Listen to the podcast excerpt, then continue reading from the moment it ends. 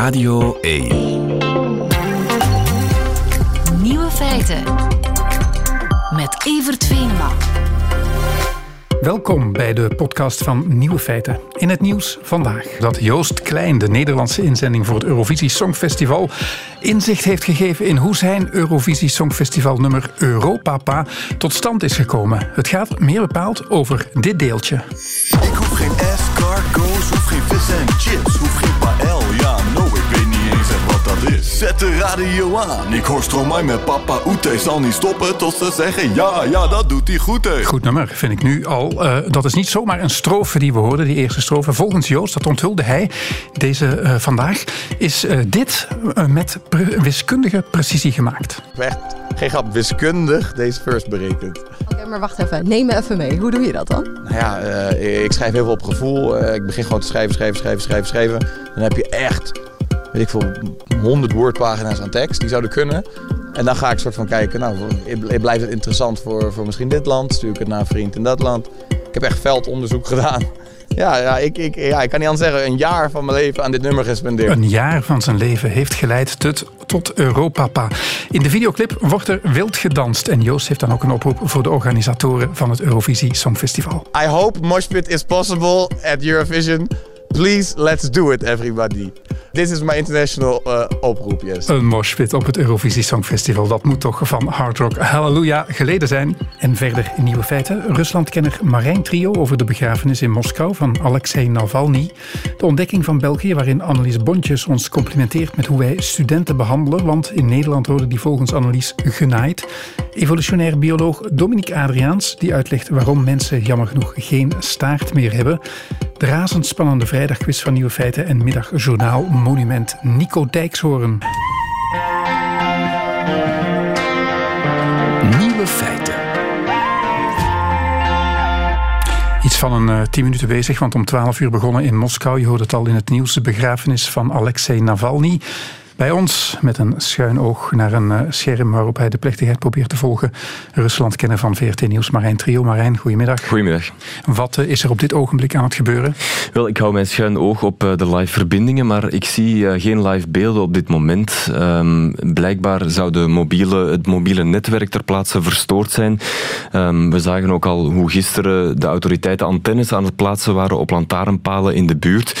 Die dienen om communicatie te verstoren en dat is blijkbaar nu nu aan de gang mogelijk. Uh, want we zien dus niet wat er nu aan het gebeuren is. Wel hebben we daar net nog de kist uh, zien aankomen met het lichaam van Navalny in. We zagen hoe de kist eruit gehaald werd, hoe mensen begonnen Navalny te scanderen. Um, maar sindsdien hebben we dus geen uh, live verbinding meer. De, de plechtigheid zou op dit moment begonnen moeten zijn, vermoedelijk, maar dat zien we dus niet. Want ik zie wel veel mensen. Er is heel veel uh, volk. Het is natuurlijk heel moeilijk om in te schatten, um, omdat je, ja, ik ken de wijken in kwestie ook niet. Het is moeilijk om te zien hoe lang die reis, maar je ziet echt uh, ja, dat er mensen staan aan te schuiven tot uh, het hele domein rond de kerk, maar ook nog straten in, de, in de wijde omgeving. Het zijn er zeker duizenden, dat bevestigt ook onze correspondent ter plaatse, Geert Groot-Koerkamp, die daar is, en die zei ook dat er zeker duizenden mensen, ondanks alles, toch naar daar zijn afgezakt. Weten we iets hoe sterk de Russische veiligheid zijn uitgerukt voor wat er na de uh, begrafenisplechtigheid in de kerk gaat gebeuren. Dan gaat dat lichaam naar de begraafplaats gebracht worden? Ja, dus ten eerste gaan we waarschijnlijk ook niet zien wat er in de kerk gebeurt. Hè. Een grote uh, ja, speeches zullen daar niet zijn, camera's zijn daar niet toegelaten. Daarna gaat het lichaam inderdaad naar de begraafplaats, dat is een twee kilometer verderop. Um, ja, we weten dat er overal hekken klaarstaan, dat er heel veel politie aanwezig is. Ik had het ook al over die antennes om communicatie te verstoren. Um, maar ja, wat ze gaan toelaten, wat er mogelijk is, blijft ook onduidelijk. Te meer omdat, uh, ik zag daarnet een foto van een briefje dat aan de begraafplaats hangt, waar staat dat, uh, dat de begraafplaats vandaag gesloten is voor bezoekers. Hè. Dus ja, zullen mensen wel een afscheid kunnen nemen van het lichaam van Navalny op de begraafplaats. Anderzijds staan er wel metalen poortjes waar mensen door moeten. Dus het is uh, helemaal niet duidelijk. In elk geval is er heel duidelijk gewaarschuwd dat elke niet toegelaten betoging bestraft zal worden.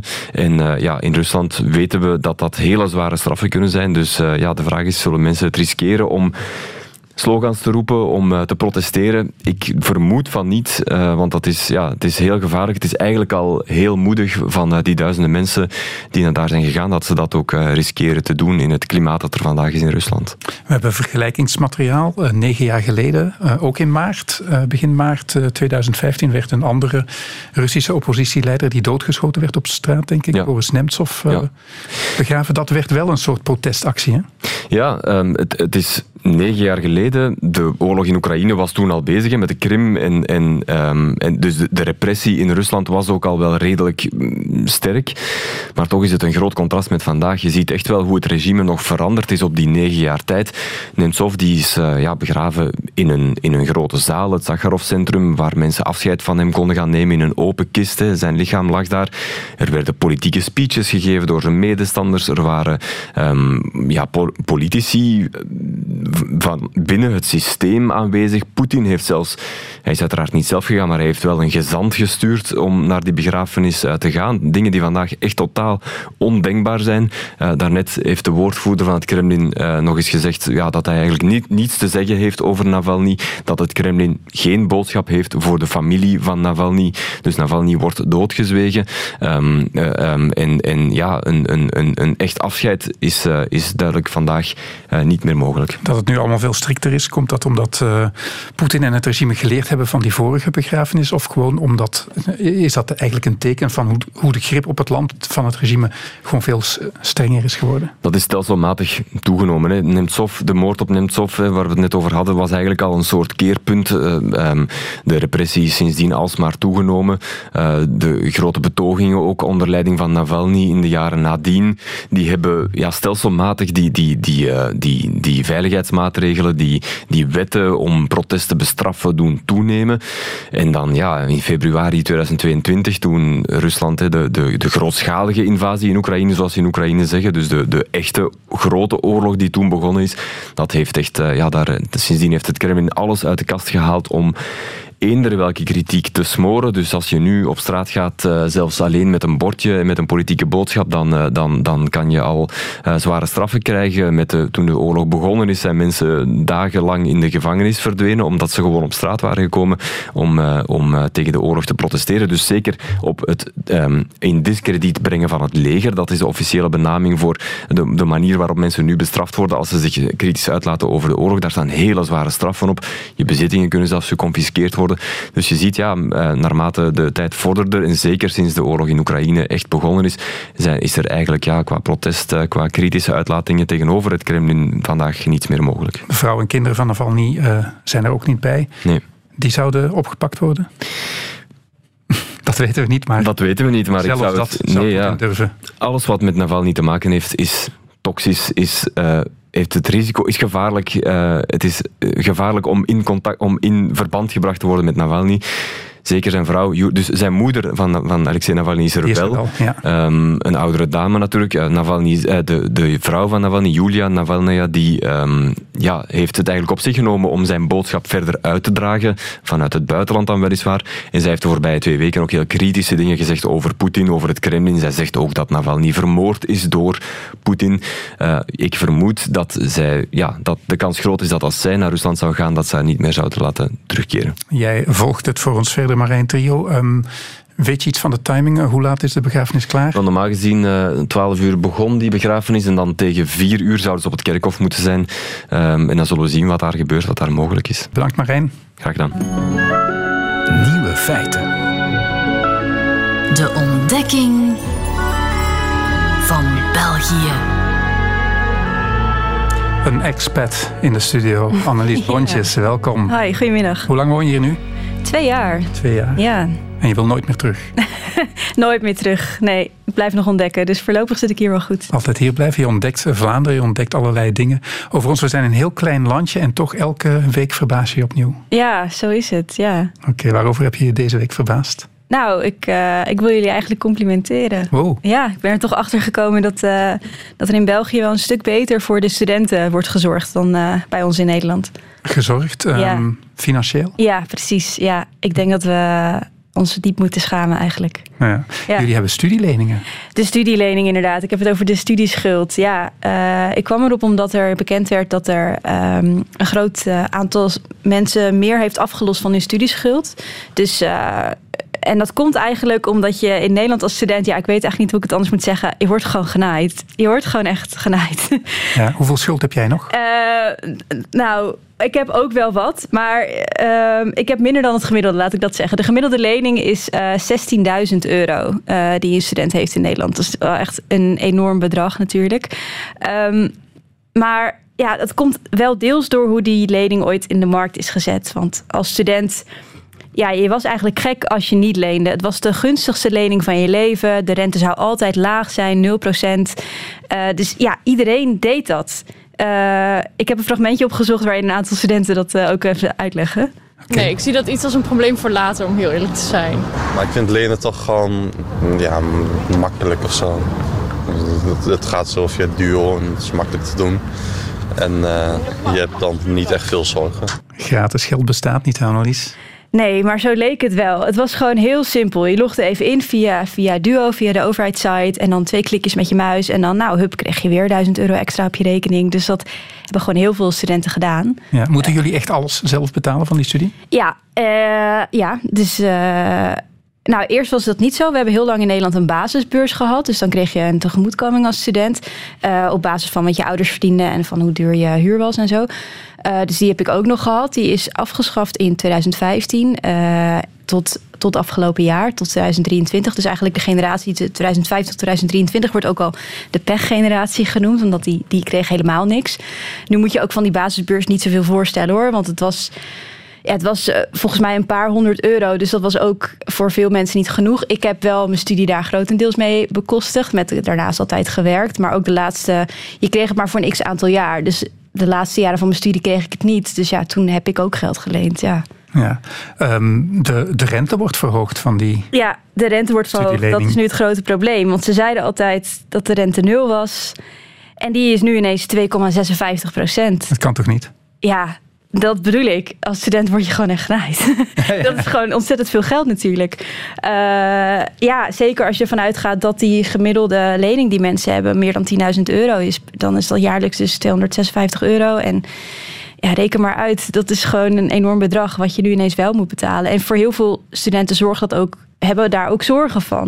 Die hebben daar last van. Kijk, als student als je leent, dan denk je niet na over een hypotheek die je gaat afsluiten misschien. Maar ja, nu heb je dan wel echt een probleem als je dan een hoge studieschuld hebt. Bij ons is dat ook al even geleden, maar komen er geen protesten? Studenten zijn toch mondige mensen? Zeker, Opstandig, ja. links. Ja, er komen ook wel protesten.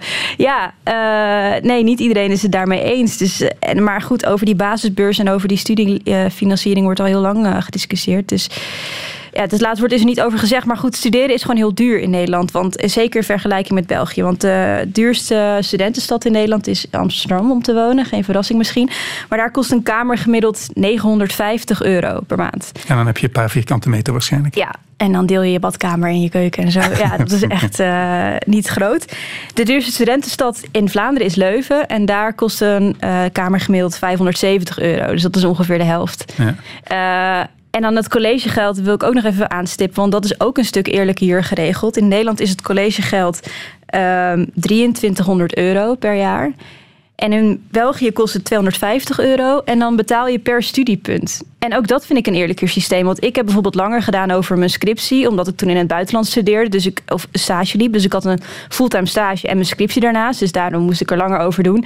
Maar dan betaal je wel gewoon het hele bedrag voor je, voor je, je studie. betaalt wat je koopt eigenlijk. Ja, uh, terwijl ik geen college heb gevoerd, uh, gevolgd dat jaar. Ja. Dus dat is wel.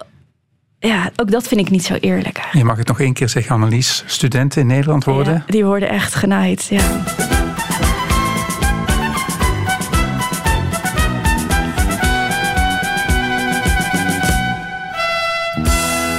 Examen Vlaams. Genaaid, dat woord kennen wij ook. ja, en nou, vandaag helemaal. Het is niet zo netjes, maar ja, ja. ik zeg het ook eigenlijk niet. We zullen eens kijken hoe een goede student jij bent. Oké. Okay. We hebben uh, een aantal uh, Vlaamse woorden in de studiesfeer. Ja, ik was er al bang voor. Ready? Ja. Oké. Okay. Pennenzak. Is dat een etui? Dat is een etui en wat doe je daarmee? Nou ja, daar stop je je pennen in, hè? Daar stop je je pen in. Het gaat veel beter dan als Lieven het doet, deze, dit examen. Je hebt er al eentje goed. Eh Bik. Bik? Bik. Dat is een pen dan, of niet? Ja, dan- Een merk, pen. ja, twee goed. Oké. Mijn vragen zijn veel gemakkelijker dan die van eh, Lieven. ja, jij mag elke week wel hier zitten van mij. Kabas. Dat is een andere, hè? Oh. Kabas. Wat zou dat kunnen zijn? Kabas, Eh, kabas, kabas. ehm, Er worden geen punten afgetrokken voor gokken, dus je mag gokken. een rugtas? Maar ja, Ja? is Niet? En, dat was echt een gok. eh, brossen. Eh, studeren? Het omgekeerde. Niet studeren. Niet naar de les komen. Oh, spijbelen. Ja. Ah. De refter. De wat? De refter. De refter. Is dat een persoon? dat is de rector. Oh. De refter. Hè? Ehm, Het is een plaats. Waar je iets doet. de aula? Nee, op de universiteit. De bibliotheek? Nee, als je uit de bibliotheek bent en uit de aula en je hebt honger, De kantine? dan ga je naar de kantine, de Aha, refter. Ja. oké. Ja, ik heb er nog twee. De koer. Dat is de, de binnen, de, bin- het binnenplein. Speelplaats ook te gebruiken voor wc. Oké. Naar de koer gaan. Oké. Nog eentje? Ja? Proclamatie. Eh, Ik wist niet dat ze dat in Nederland niet gebruikten, maar blijkbaar proclamatie. tentamen? Nee. Dat is waar je naartoe werkt eigenlijk als je studeert. Je diploma?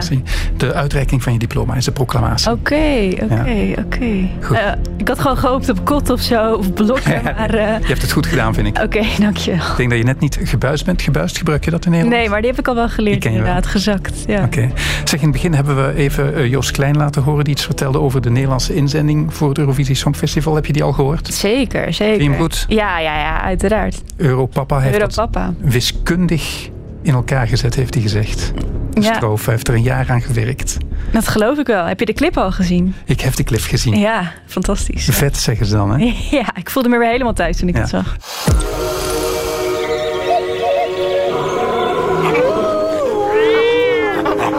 Nieuwe feiten. Het blijft toch een van de belangrijkste existentiële vragen die elk mens zich met tussenpozen stelt. Waarom heb ik wel een staartbeentje, maar geen staart? Het antwoord staat nu in het wetenschappelijk tijdschrift Nature. En terwijl u nog eens vertwijfeld aan uw staartloos achterwerk krabt, zeg ik goedemiddag, Dominique Adriaans. Goedemiddag. Evolutionair bioloog aan de UGent. Het kan pijn doen, hè, zo'n staartbeentje, als je daarop valt. Ja, ja, ja. Inderdaad. Het, het, het staartbeentje is iets wat wij nog als een, een restant hebben overgeërfd van onze voorouder, dat teruggaat vanaf het ontstaan van de mensapen. Hè. Dus mensapen zijn gorilla, chimpansee en zo, maar ook heel wat uitgestorven eh, mensapen. Dat gaat ongeveer 25 miljoen jaar terug. En ja, vanaf dan is, is de staart eh, eigenlijk verdwenen. Verdwenen in die zin dat die uitwendig niet meer zichtbaar is, maar daar is nog een restje aanwezig van toen af. Eh, en dat zijn dus ja, een aantal hele kleine staartwerveltjes, maar die niet uitsteken. Heel uitzonderlijk kan dat zijn dat bij een mens er effectief wel nog een staartje gevormd wordt, maar dat is zeer eh, uitzonderlijk. 25 miljoen jaar geleden al. En pas nu hebben wij ontdekt waarom we geen staart hebben. Ja, klopt. Wel, vooral, men heeft nu ontdekt wat, wat het onderliggend genetisch mechanisme is die dat kan verklaren. Ehm, men heeft hypotheses naar voren geschoven van, oké, wat zou de, de natuurlijke selectie zijn geweest wat zou kunnen verklaren waarom die staart vanaf die mensapen is verdwenen. Dat werd in verband gebracht met een verschuiving in de manier van voorbewegen. Eh, Terwijl dat als je kijkt naar primaten voor de mensapen, die lopen vooral bovenop de takken op vier poten. Eh, mensapen zijn vooral gekend eh, als slingeraars die onderaan de takken hangen. En als je onderaan een tak hangt, dan kan je daar moeilijk afvallen omdat je je evenwicht verliest, terwijl dat je dat wel hebt als je boven takken loopt. Dus we hadden geen staart, staart meer nodig. En de staart inderdaad is heel belangrijk om dat evenwicht te behouden, maar als je eronder hangt, is er geen uh, belangrijke rol weggelegd voor die staart om dat evenwicht te bewaren. En dus dat stelde men uh, als hypothese van dat verklaart waarom dat zou verdwenen zijn. Maar hoe dat, dat genetisch gebeurde, daar had men dus eigenlijk nog geen idee van. En dat is nu met dat nieuw onderzoek, dat op zich ook al eigenlijk twee, drie jaar aan het lopen is, nu aangetoond uh, wat er juist genetisch gebeurt, die verklaart waarom dat die staart zich niet ontwikkelt. Ja, dat was een theorie, maar uh, men heeft het uh, geprobeerd bij muizen en men is erin geslaagd om te zorgen dat die muizen geen staarten meer groeiden. Ja, inderdaad. Hè. Men heeft vastgesteld dat er een bepaalde specifieke genetische eigenschappen uh, zijn. Men noemt dat zogenaamde ALU-elementen. Dat zijn stukjes in het DNA. Er zitten er heel veel in ons DNA. Uh, maar men heeft gekeken bij andere primaten en gezien dat um, bij alle primaten is er zo een wel specifiek ALU-elementje aanwezig, maar wat dat de mensapen en dus ook de mens onderscheidt daarvan, is dat er nog een tweede soort ALU-elementje aanwezig is, waardoor dat als het DNA vertaald wordt naar eiwitten, die twee ALU-elementjes aan elkaar gaan plakken, waardoor dat een stukje van het DNA niet gelezen wordt en dus eigenlijk het eiwit dat ervan komt, bij die mensapen een klein beetje korter is dan bij de andere primaten. En het is doordat dat stukje dat ontbreekt, dat men nu gezien heeft, door dat onder andere tot expressie te brengen bij muizen, dat als dat stukje ontbreekt, dan krijg je muizen waarbij dat de staart zich niet of nauwelijks uh, ontwikkelt. Zou je het omgekeerde ook kunnen doen door iets te veranderen in de genetica van de mens? Ervoor zorgen dat mensen weer staarten krijgen? Theoretisch zou dat waarschijnlijk wel kunnen, uh, want men heeft ook vastgesteld dat je moet uh, nog altijd, bij die muizen heeft men dat gezien, je moet nog altijd een minimum uh, gehalte aan de, de, laat mij zeggen, de, de volledige of de lange eiwitmoleculen hebben om effectief ook wel een staart te gaan ontwikkelen. Het is dus niet van alles of niks. Nee, het is eerder van er is een, een minimumniveau. Je moet er een beetje van hebben, net genoeg om het te ontwikkelen. Omgekeerd ook, je moet minimum zoveel van die eiwitten die korter zijn hebben om geen staart te gaan ontwikkelen. Je zei daarnet, uh, we begonnen aan takken te hangen in plaats van erover te lopen, dus we hadden geen staart meer nodig. Maar ik dacht dat ik mij van Darwin herinnerde dat je ook een evolutionair voordeel moest hebben van een verandering. Wat zou dat voordeel kunnen zijn van het niet hebben van een staart? Want een staart is toch handig? Uh, ja, Um, maar dat is eigenlijk een beetje een, een, dikwijls een, een, misvatting dat natuurlijke selectie alleen zich richt op voordelen. Eigenlijk werkt natuurlijke selectie alleen tegen nadelen. Dat wil dus zeggen dat je ook kenmerken kan blijven behouden, dat die niet verdwijnen door evolutie, als die geen nadeel, maar ook niet noodzakelijk een voordeel hebben. Want er is geen reden om die weg te doen. Natuurlijk, een nadeel kan ook zijn energieinvestering.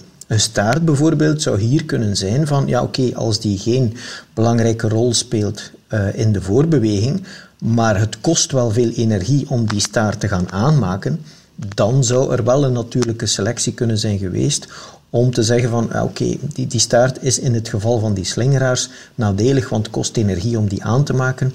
Dus is uiteindelijk in de populatie langzaamaan verdwenen. Heb jij ook soms wel momenten in je leven, Dominique, dat je denkt van had ik maar een staart? Mm, ja, er zullen misschien wel situaties geweest zijn waar ik dacht, nu zou dat wel handig kunnen zijn geweest. Om aan je rug te krabben, vliegen meppen? Ja, als een vijfde hand. Hè. Er zijn bepaalde Zuid-Amerikaanse apen die dat effectief gebruiken als een vijfde hand. Dus uh, het zou wel handig zijn. Dus als het omgekeerd ooit kan, ik ben kandidaat. Jij ook? Ja, oké, okay, is goed. Hartelijk bedankt. Dag Dominique Adriaans. Ja, is graag gedaan.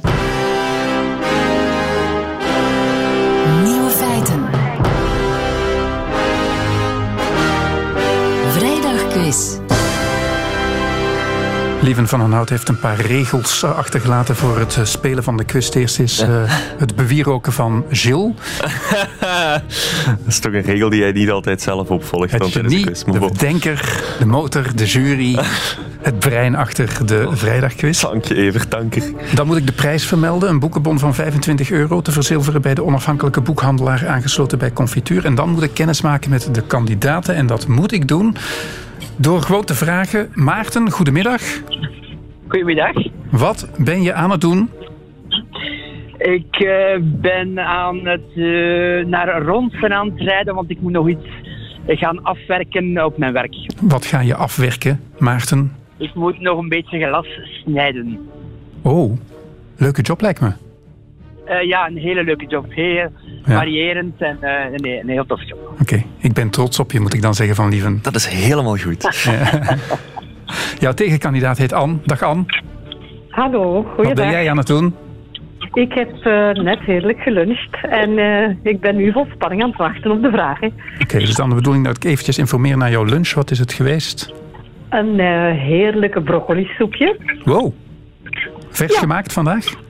Ja, inderdaad, dat klopt. Mmm, lekker. Oké, heerlijk. Ja. Goed, jullie kennen de regels. Ja. Ja. Eh, we beginnen bij Maarten. Maarten heeft zich eerst aangemeld. Zolang Maarten eh, goede antwoorden geeft, eh, dan kan jij gewoon van je broccoli soepje blijven eten. Ja. Anne. Als hij iets fout heeft, dan neem jij over. Daar gaan we.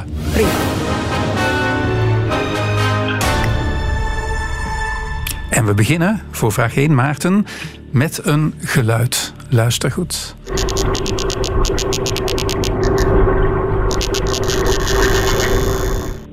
Maarten, wat hoorden we daar? 1. De krakende Eiffeltoren. 2. De gewrichten van een fietsende bejaarde. Of 3. Een vis. Eh, ik gok op een vis.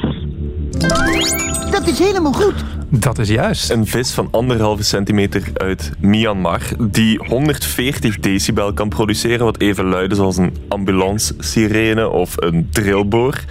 En dat doen ze door speciale botten op hun zwemblaas te laten trillen, het orgaan waarmee dat ze kunnen drijven of zinken. Een zwemblaas. Een zwemblaas. Mag ik daar meer over vragen? Of? Dat is een zak gevuld met lucht en dan kunnen, ze, kunnen vissen bepalen hoe hoog ze in het water zwemmen. Oké, Ja. je weet alles hè?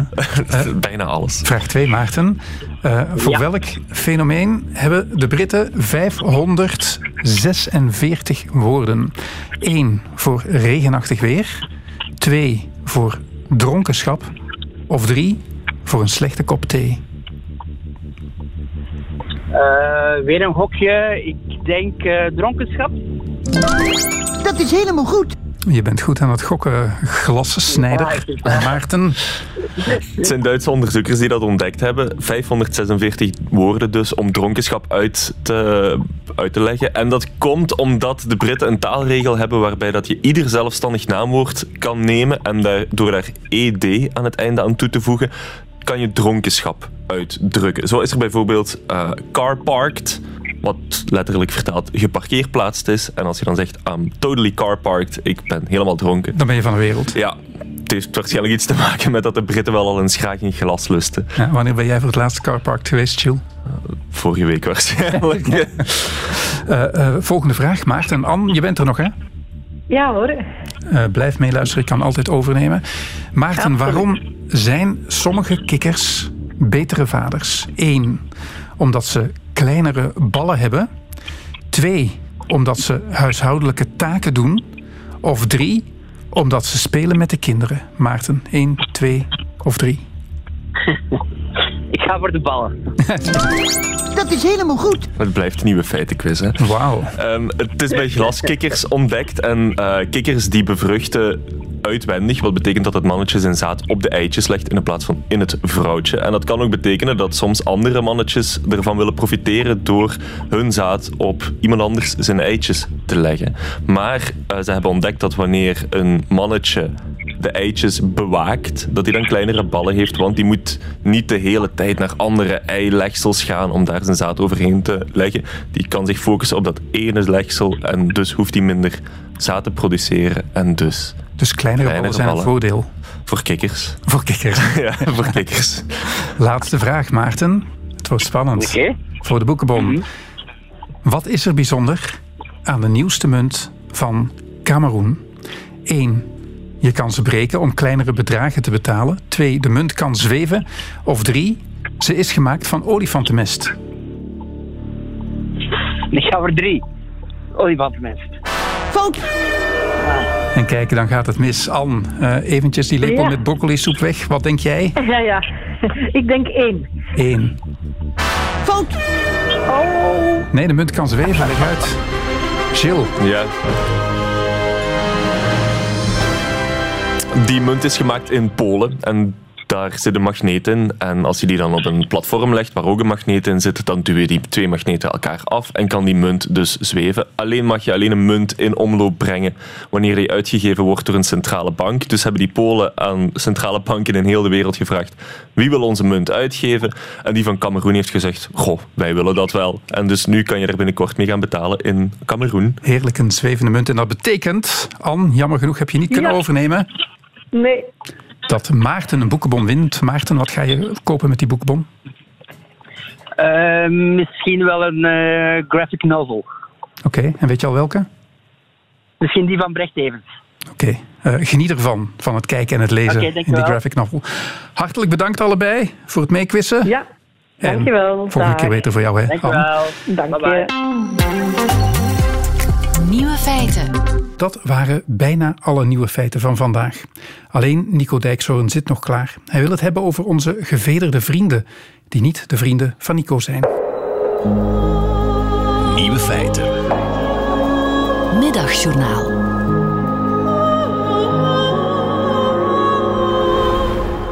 Beste luisteraars, zoals afgesproken zet ik hier voortaan iedere maand een arrogante vogel even goed op zijn plek. Heel leuk, ja, je kunt vliegen, leuk, je kunt zingen. En ja, leuk, je kunt ondersteboven aan een zak pinda's hangen. Maar verder heeft het allemaal weinig te betekenen. Ik ben bijvoorbeeld nog nooit een vogel tegengekomen die rechten studeert. Wat mij stoort aan vogels, ze zijn niet echt in ons geïnteresseerd. Postduiven, als die over honderden kilometers de weg terugvinden naar huis, dan doen wij net alsof dat heel knap is. Maar als wij iedere avond terug van ons werk ons huis weten te vinden tussen alle andere huizen, daar hoor je duiven dan nooit over. Maar goed, luisteraars, vandaag wil ik het hebben over de namen van vogels. Daar stoor ik mij aan. Om maar een voorbeeld te noemen en meteen maar met een hele luie vogel te beginnen, de gans. Je zou zeggen, dat is genoeg. Gans, kijk, een gans. Hé, hey, daar vliegt een gans van onze belastingcenten. Maar voor meneer en mevrouw Gans is het allemaal niet genoeg. Ik heb het even snel opgezocht welke ganzen er in de Benelux leven. Daar gaan we. De kleine Canadese gans, de Indische gans, de sneeuwgans, de grauwe gans, de kleine rietgans, de dwerggans.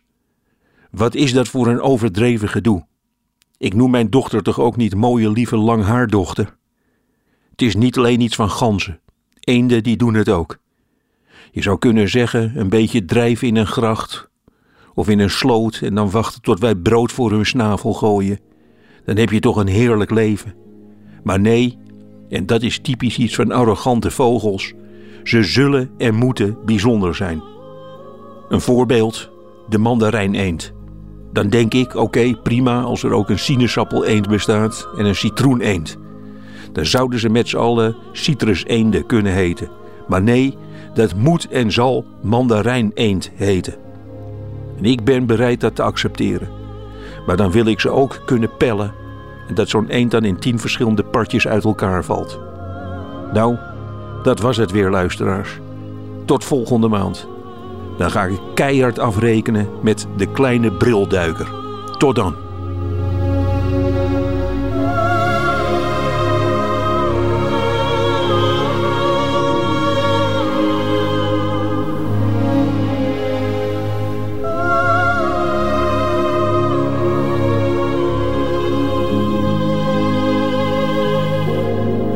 Bedankt Nico Dijkshoorn en op naar het volgende Vogeltelweekend. Volledige afleveringen van Nieuwe Feiten met muziek hoor je elke dag van de week op Radio 1 tijdens de lunch tussen 12 en 1 uur 's middags.